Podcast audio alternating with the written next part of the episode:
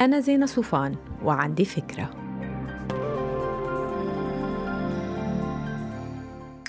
هاي مش سر إنه شؤون المال بتخرب شراكات وزيجات كتيرة. هاي نصايح بتخلي النقاشات المالية بين أي زوجين منتجة ومجدية. أول شيء اختيار الوقت المناسب للكلام أساسي. يعني أكيد لازم يكون مناسب للطرفين. ومش أثناء انشغال واحد منهم بشيء. وأكيد مش بعد نهار عصيب بالمكتب. الحكي المالي بده هدوء ورواق تاني شيء ايا كان الموضوع اللي عم ينطرح وايا كانت حساسيته أكيد تجاوز هاي الحساسية بيكون مش بالمراوغة والحكي غير المباشر وإنما بالكلام الصريح لكن المهذب والخالي من الاتهام والتجريح. وإذا كان في انتقاد بناء مش عيب.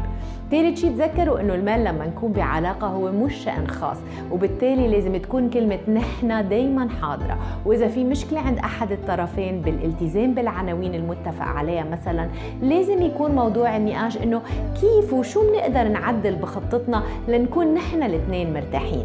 الكلام الشفهي عن الأهداف وسبل الوصول إلى بين شريكين مش غلط ينحط كتابة لأنه كلنا مشاغل الحياة بتاخدنا ومش غلط نرجع لهاي النوتس من باب التذكير وآخر نقطة كل ما تعبروا استحقاق مهم. يعني لما تسكروا ديون عليكم أو تخلصوا صندوق الطوارئ أو تحطوا الدفعة الأولى من حق بيت بليز احتفلوا سوا بالإنجاز.